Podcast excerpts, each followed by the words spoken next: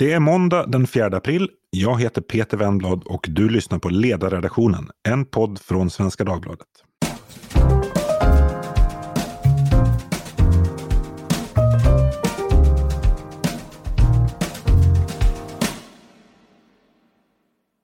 Idag så ska vi prata om konflikter i samhällsutvecklingens spår. Om hur nya gruvor, fler vindkraftverk och utbyggda elnät skapar motsättningar mellan lokala intressen och nationella nyttor. Mellan exploatering och bevarande och mellan närmiljö och klimatmål. Ett aktuellt exempel som säkert många har hört talas om är den järnmalmsgruva i Kallak utanför Jokkmokk i Norrbotten som regeringen gav klartecken för gruvbolaget att gå vidare med häromveckan. Där både lokala och nationella motståndsgrupper gjort klart att de avser att stoppa den till varje pris.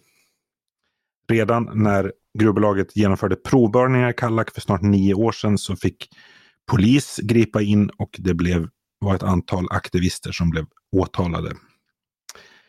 Frågan är, kommer vi att få se fler sådana här konflikter i takt med att den svenska klimatomställningen både ska genomföras och accelerera? Går de här konflikterna att undvika och i så fall hur? Och om de inte går att undvika, hur gör man för att de inte ska urarta eller skapa sår som inte går att läka? Det här är frågor som jag tänkte ställa till och diskutera med tre inbjudna gäster som var och en har lite olika perspektiv. Den första är Maria Suner som är VD för gruv och mineralbranschens organisation Svemin. Välkommen Maria! Mm, tack så mycket!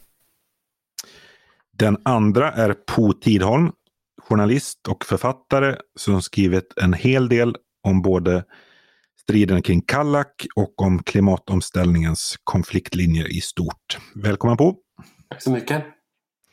Och den tredje är Lena Langlé som är sektionschef på demokratisektionen på Sveriges kommuner och regioner.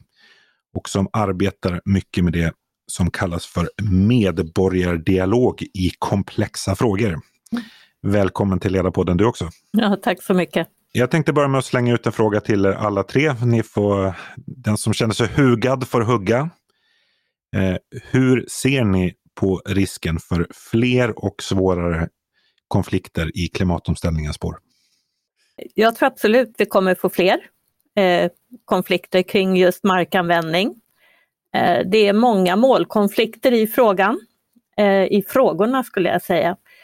Och där man blir väldigt känslomässigt engagerad.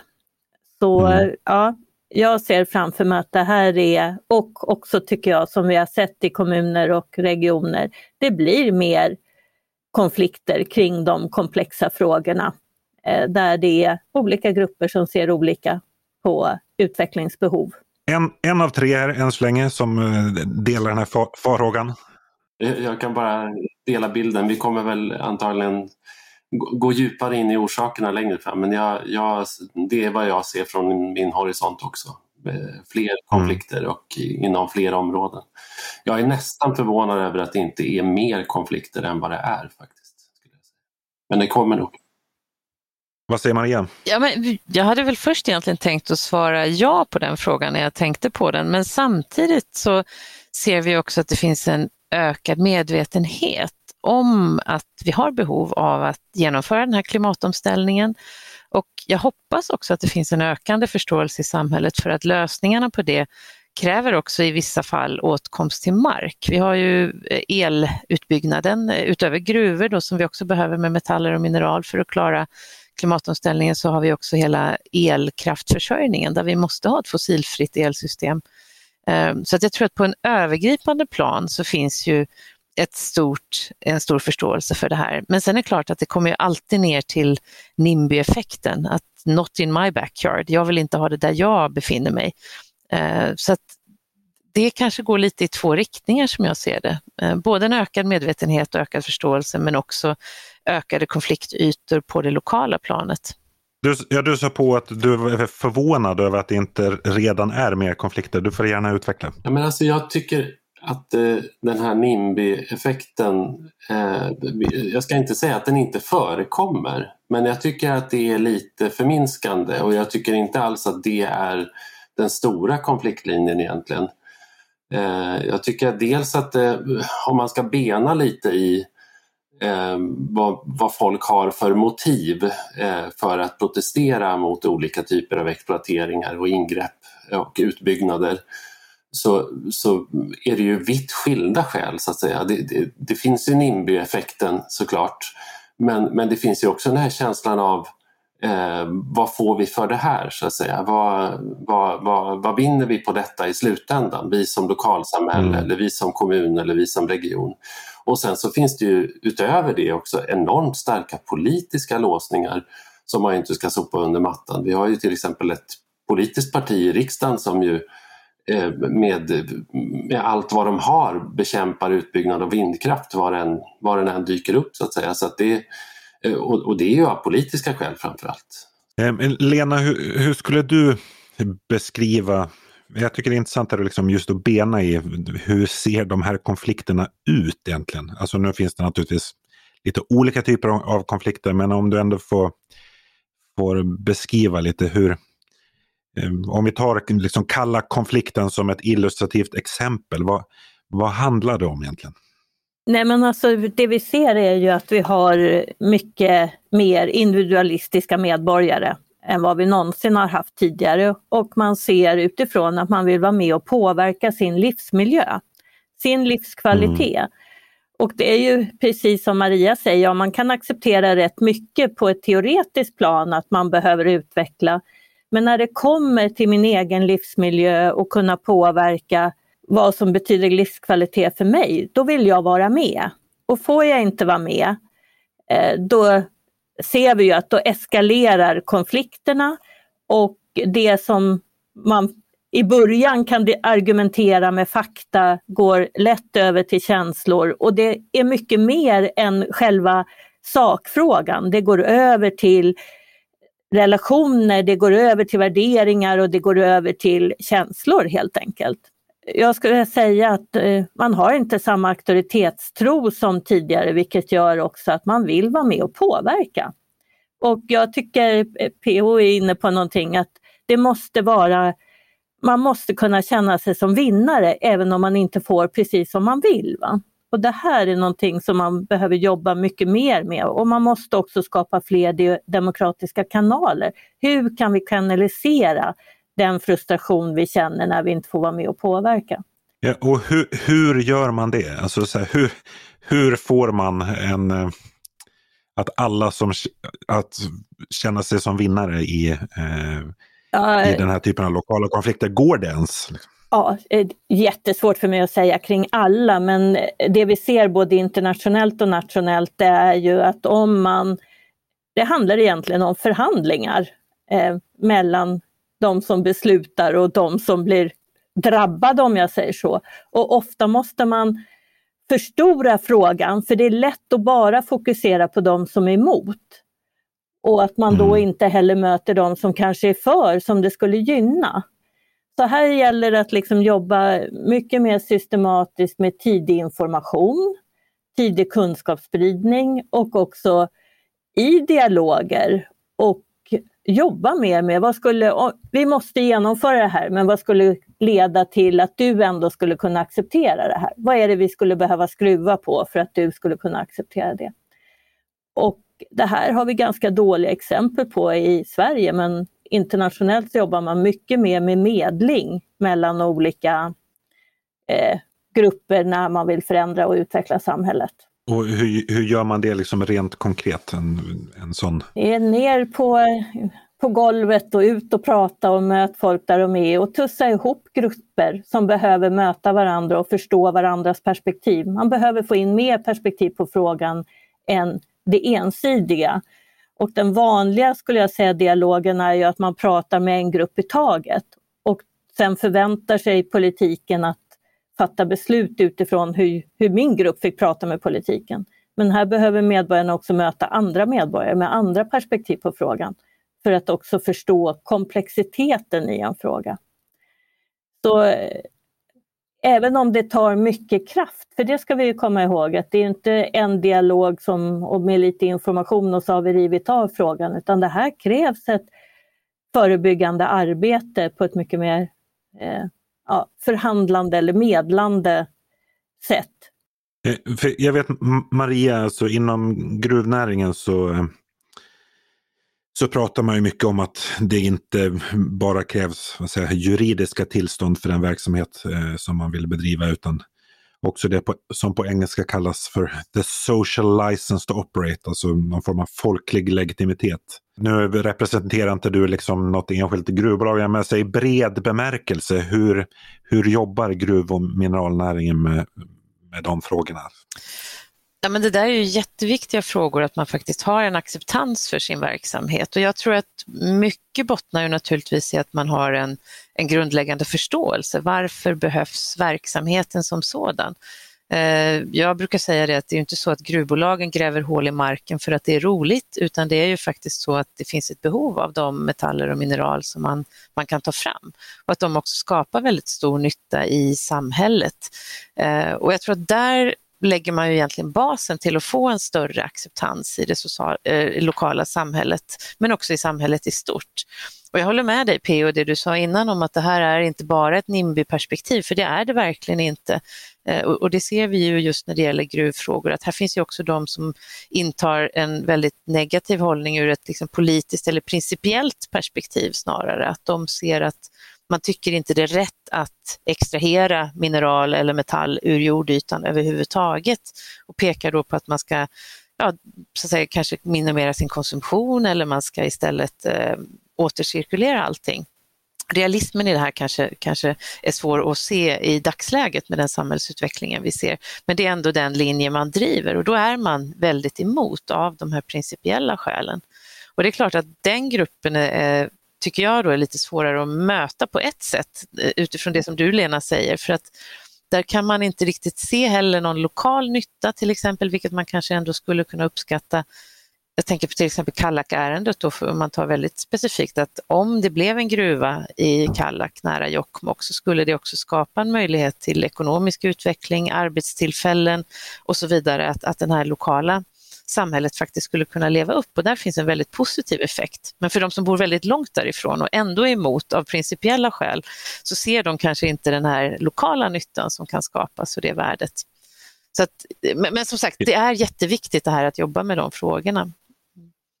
Jag, så, jag såg på, mm. du, du vred på det lite när, när det kom det här perspektivet att det går att, vad ska säga, att alla går vinnande ur en eh, konflikt. Hur, hur, hur tänker du?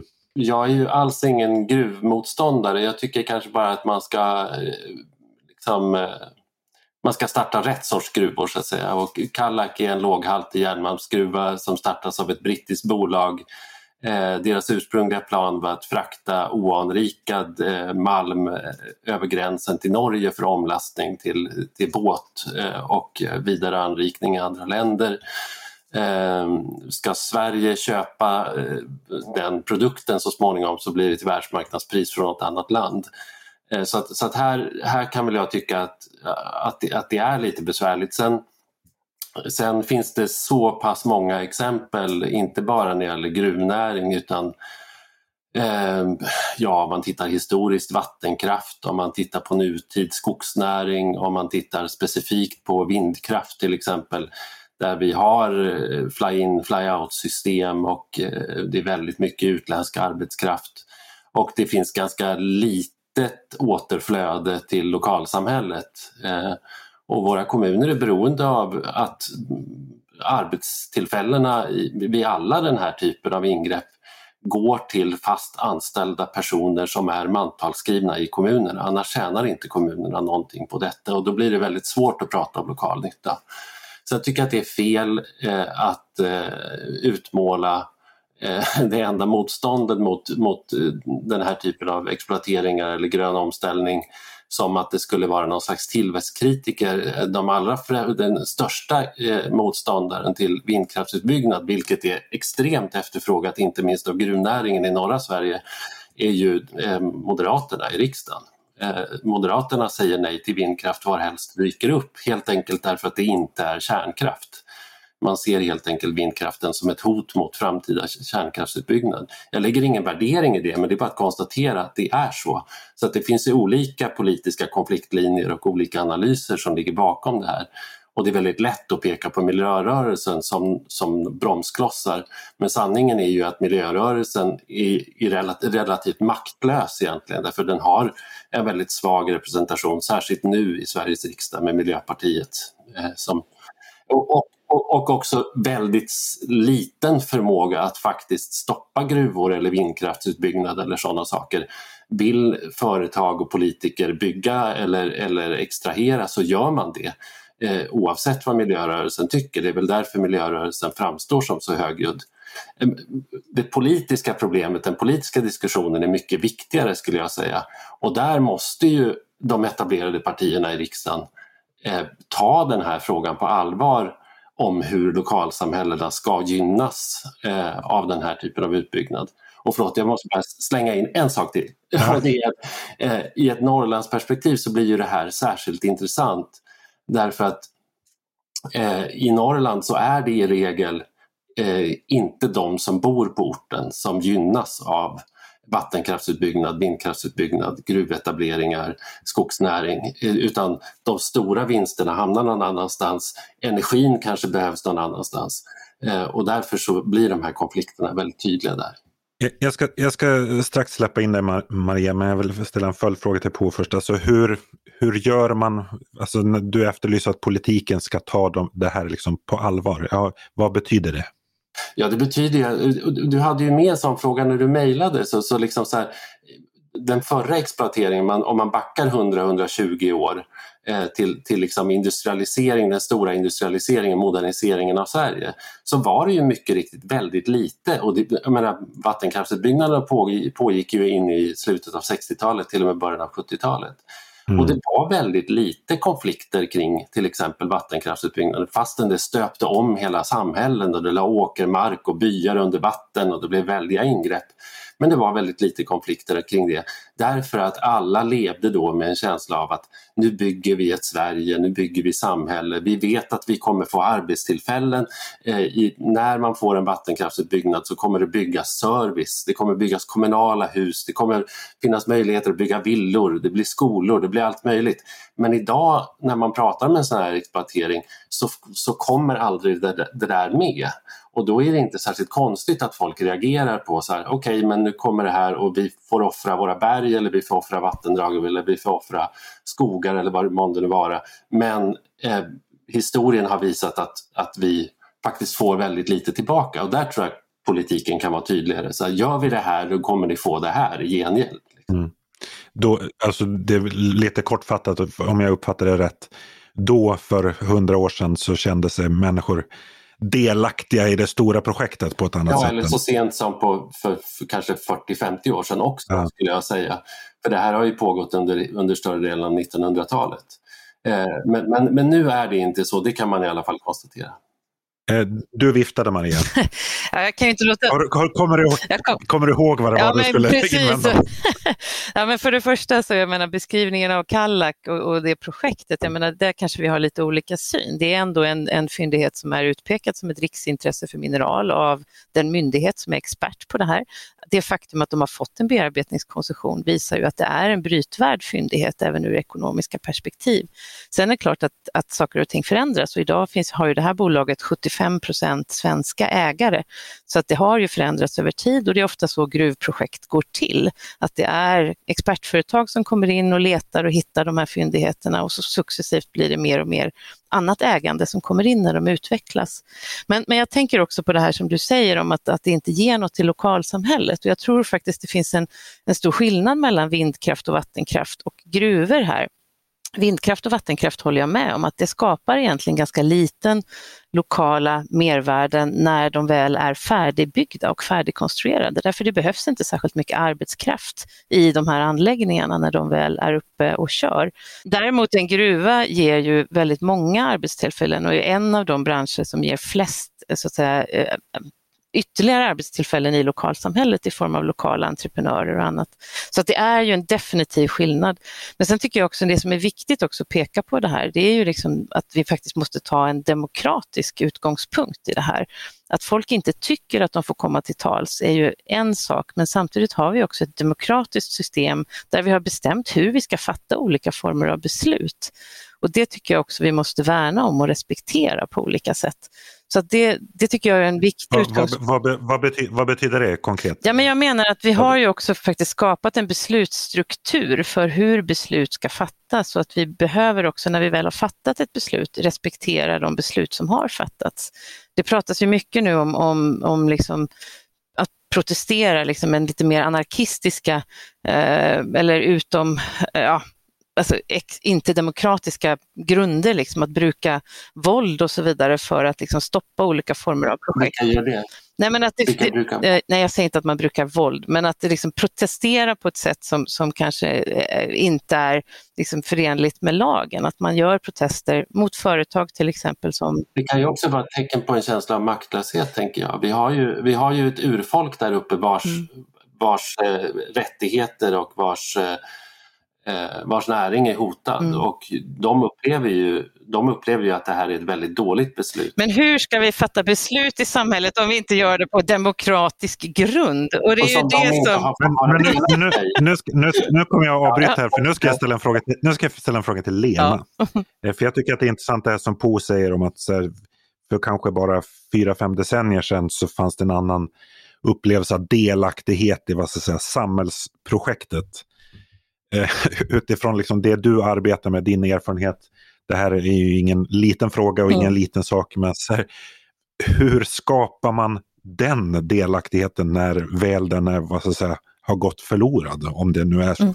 Nej, men jag håller med. För första vill jag säga att jag håller med på för att det, för att det var ju så för hundra år sedan att man var delaktig i det stora samhällsutvecklarprojektet folkhemmet, alla skulle få det bättre. Va? Om man fick vara möjlighet att delta. Och då var det också lättare att fatta beslut för vi hade en helt annan auktoritetstro och vi hade också eh, en helt annan utbildningsnivå så man förlitar sig på att några kunde mer än oss. Men samtidigt ska vi komma ihåg att det redan då vårt samhälle skulle inte förändras om inte medborgare protesterade. Vi har kvinnokampen till exempel om kvinnlig rösträtt och så vidare. Så det har alltid funnits grupperingar som har tagit till okonventionella metoder för att förändra samhällsordningen. Sen är det ju mm. förstås viktigt med att vi har ett demokratiskt system, men ett demokratiskt system bygger ju också på folkstyre. Det är ju viktigt att komma ihåg att vår regeringsförklaring står för det, folkstyre och självstyre, lokalt självstyre, där man ska få vara med och påverka. Och jag tror att det är väldigt svårt för politiken att eh, vara legitim om man faktiskt inte också inbjuder medborgarna till deltagande i beslutsfattandet på olika sätt. Men, men, om, vi, om vi ser nu, liksom, tar liksom klimatomställningen mm. som, som samhällsprojekt. Mm. Eh, alltså hur kombinerar man säga, behovet av dialog, behovet av att känna sig delaktig, behovet av konfliktdämpning och att rent krasst så här, vi har jävligt bråttom. Mm. Alltså vi har en, en tidsplan som blir allt mer pressad. Går det liksom att kombinera dialog och tidspress? Jag tror att du får mer protester och ge, försöka genomföra saker, vilket gör att det kommer fördröja frågor, än om du faktiskt involverar människor från början. Men jag är med på Maria, det du sa i början där Maria, att eh, information, kunskapsspridning, inte bara att gå ut med någon form av att ni tänker fel, för det är ingen medborgare som köper, utan vi måste vara mycket, mycket mer eh, sprida kunskap om den transformation som behöver ske för att faktiskt skapa ett bättre miljömässigt samhälle då, eller mer hållbart samhälle ur alla tre eh, dimensionerna om jag säger så. Men eh, vi ska komma ihåg, vi, men medborgarna är ju inte dumma. Eh, så det, vi är ju också medborgare och jag känner inte att jag är så dum tänker jag. Men så att eh, får man väldigt bra kunskap och få vara med och stöta och blöta den där utifrån mitt perspektiv så tror jag faktiskt att, eh, eller vi ser i alla fall att man, man kanske inte tycker precis likadant, men man kan acceptera att något beslut måste tas.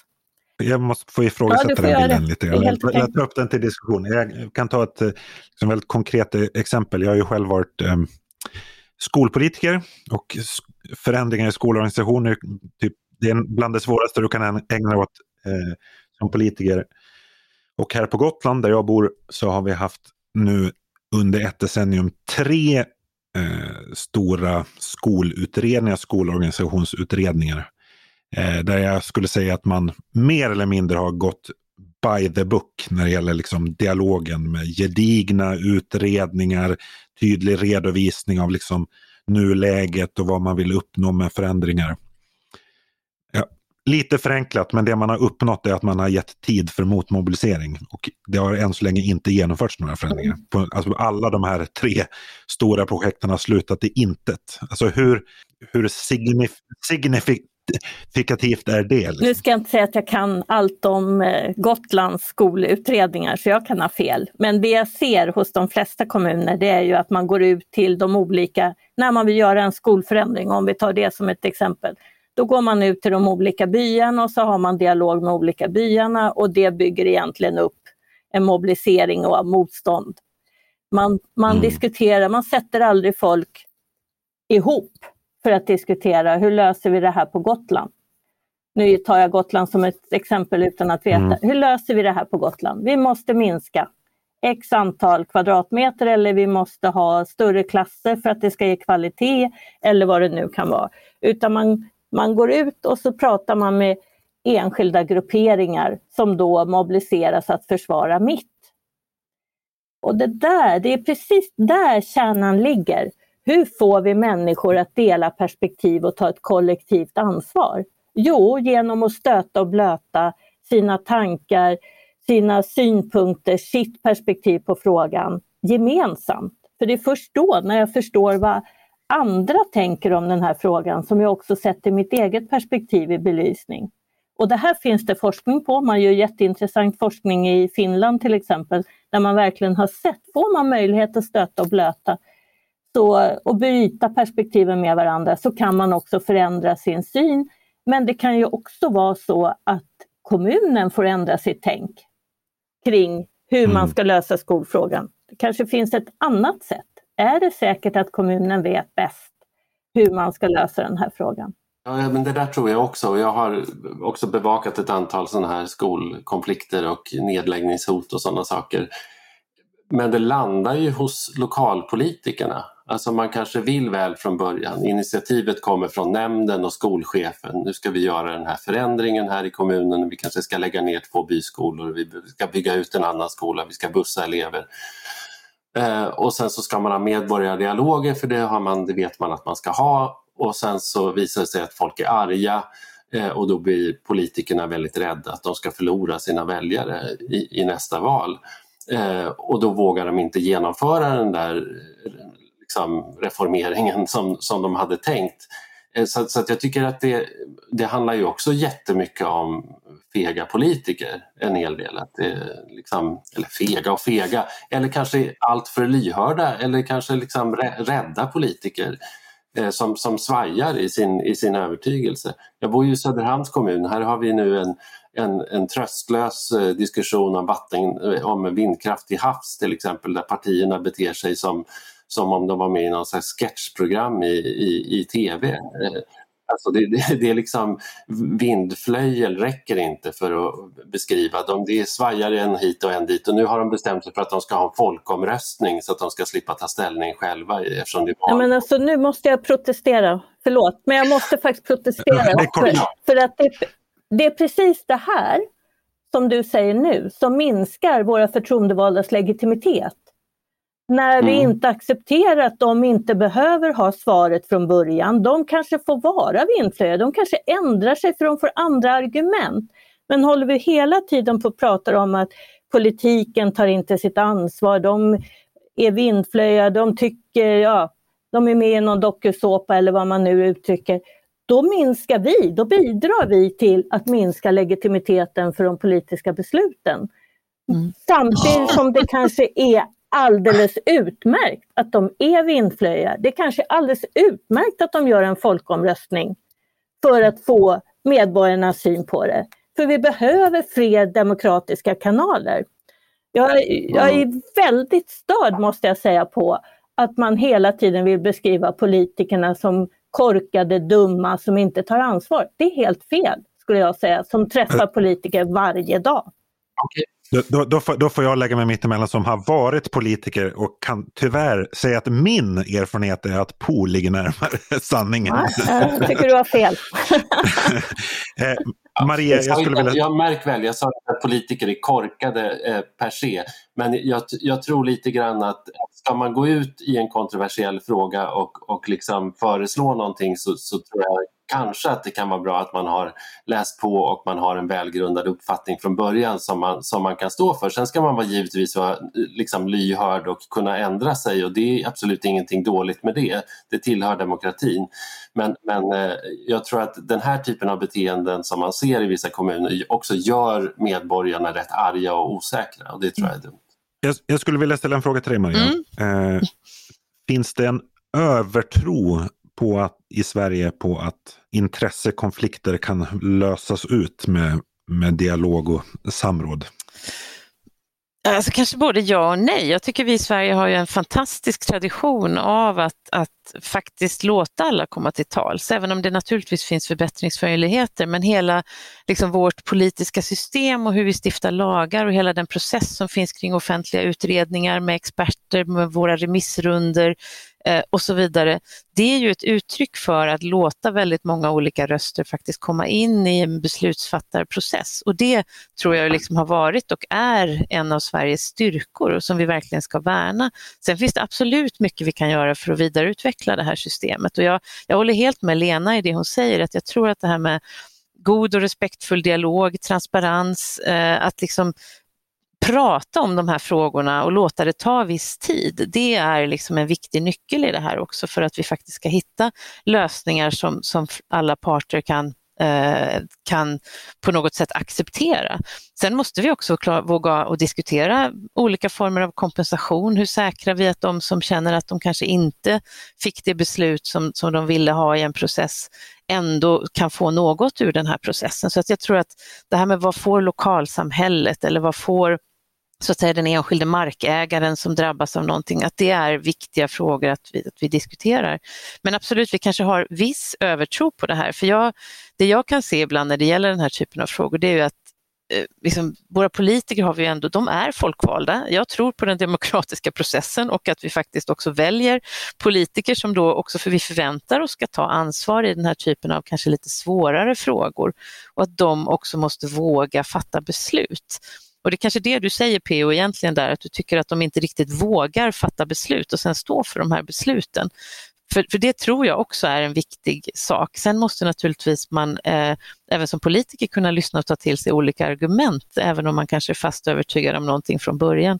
Så jag, jag är kanske också lite mittemellan Lena och PO här, eller PO, förlåt, i den här frågan. Ja, men för jag skulle också vilja ta tillbaka det som du var inne på, eh, Maria, om just den här liksom, mm.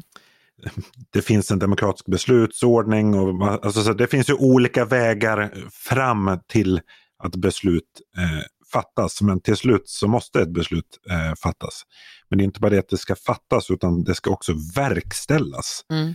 Och då tänker jag givet nu att det är många svåra beslut som ska fattas under de närmaste åren där det finns stora in, eh, intressekonflikter. Givet att man inte alltid lyckas lösa ut de här intressekonflikterna. Hur verkställer man politiska beslut eller juridiska beslut för den delen där vad ska jag säga, konflikten mm. finns kvar?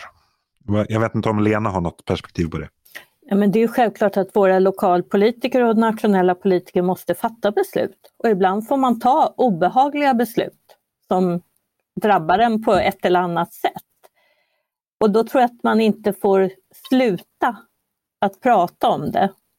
Eh, utan man måste fortsätta med att förhandla om vad kan det ändå skapa för nytta och vad kan jag vinna på det här beslutet? Eh, jag tror mycket på att skapa vinnare, även om det kanske inte är precis att få att det inte ska vara en gruva, utan vad, vad kan jag vinna i övrigt? på då? Vi ser ju till exempel på Tyskland nu när man pratar vindkraftverk hur man försöker få till någon mer kooperativ form för de som bor på, på det stället där vindkraftverken är. Alltså hur, hur kan vi hitta nya former? Det behöver ju inte vara precis som förut med någon form av social ingenjörskonst för att lära, lösa frågan. Utan vi måste liksom samarbeta mycket mer med de som är berörda. Det är jag helt, det är jag helt övertygad om. Men för, för jag skulle vilja fråga dig också på, alltså, nu vet jag att du tycker att en gruva i Kallak, om vi ska hålla oss till det exemplet, där liksom, du tycker det är dåligt. Men om, nu är beslut, beslutet fattat om bearbetningskoncession och det kan, kan komma liksom, också ett miljötillstånd så småningom. Hur ska ett sådant beslut genomföras utan att det urartar? Går det? Jag tror att det kommer bli jättestökigt där. Jag tror att det kommer bli rättsprocesser jag tror att det här kommer bli långbänk och eh, jag tror ju också, eh, beroende på hur framgångsrika eh, liksom, de samiska organisationernas jurister är, eh, så, så, så, så, kan de nog se till att det inte blir en gruva där. Jag, jag tycker, mig ha, tycker mig ha på fötterna där. Det är, min, det är min gissning i alla fall. Men jag skulle vilja återkoppla till det som sades tidigare också, därför att jag tror ju också att, att de, de här lokala motstånden som, som blossar upp på olika håll mot olika typer av exploateringar. Jag tror inte att, det, att vi skulle se lika mycket av det eh, om, om folk hade, menar, in, in, den här gammaldags auktoritetstron vill man ju inte ha tillbaka. Men man kanske vill ha tillbaka då en, en, en gammaldags tilltro till, till eh, liksom sam, samhällsbygget. Eh, och jag tror att medborgare i eh, en bygd eller en trakt eller en kommun eller en region som känner sig trygga med att de får det de behöver i vård, skola, omsorg och infrastrukturutbyggnad och, och det finns framtidstro. Där landar den här typen av ingrepp på ett helt annat sätt än, än i trakter som, som har känt sig försummade kanske under decennier. Eh, för där, där, där blir ju den här frågan till exempel om vindkraft då, blir, då ser den ut på ett helt annat sätt. Då, blir, då, blir det genast, då, då går man genast in i diskussionen så här, hur mycket får vi för det här? Eh, liksom, ja, men vi ska offra den här utsikten eh, eller det här berget eller den här jakt, jakt och fiskemarker eller vad det nu kan vara för någonting. Eh, men vi får ingenting tillbaka. Och om man redan från början hade känt vi får väldigt mycket tillbaka, vi har det bra här. Då hade det där ingreppet varit betydligt men, men hur, hur långt räcker det? Alltså för, för att ta ett exempel. De, vet det var två aktivister som blev eh, åtalade och fällda efter i samband med protesterna mot eh, provborrningarna i Kallak 2013. Mm. En var från Sundsvall och en var från Gotland. Mm. Alltså det var inte vad säger, lokalt mm. motstånd mm. utan det var ett ideologiskt motstånd. Ja. Alltså kan man hitta, alltså går det att hitta kan alla bli vinnare i en ideologisk konflikt? Nej, det, alltså, det där är svårlösta saker givetvis. Mm. Och, eh, men, men jag tycker kanske inte heller att man ska blåsa upp eh, blåsa upp det motståndet allt för mycket. Så att säga. Det, är inte, det är inte liksom jag tycker att unga människor som är ideologiskt övertygade har, har rätt att protestera. Eh, till och med göra, liksom, inte, inte våldsamt motstånd men, men civil olydnad kan jag också tycka är helt okej. Okay. Eh, men, men, men därmed, därmed inte sagt, alltså jag, jag, jag, fokuserar inte särskilt mycket på det måste jag säga. Jag tycker att det är mycket mer intressant vad, hur vi bygger starka lokalsamhällen där människor är trygga och har det bra. Jag tror heller inte att, jag tror heller inte att de här eh, aktivisterna då, som det handlar om i vissa fall, kommer till orter där lokalbefolkningen är nöjda med beslut. De är ju nästan alltid liksom ditbjudna och liksom dras med också i en anda, som, och en konfliktanda.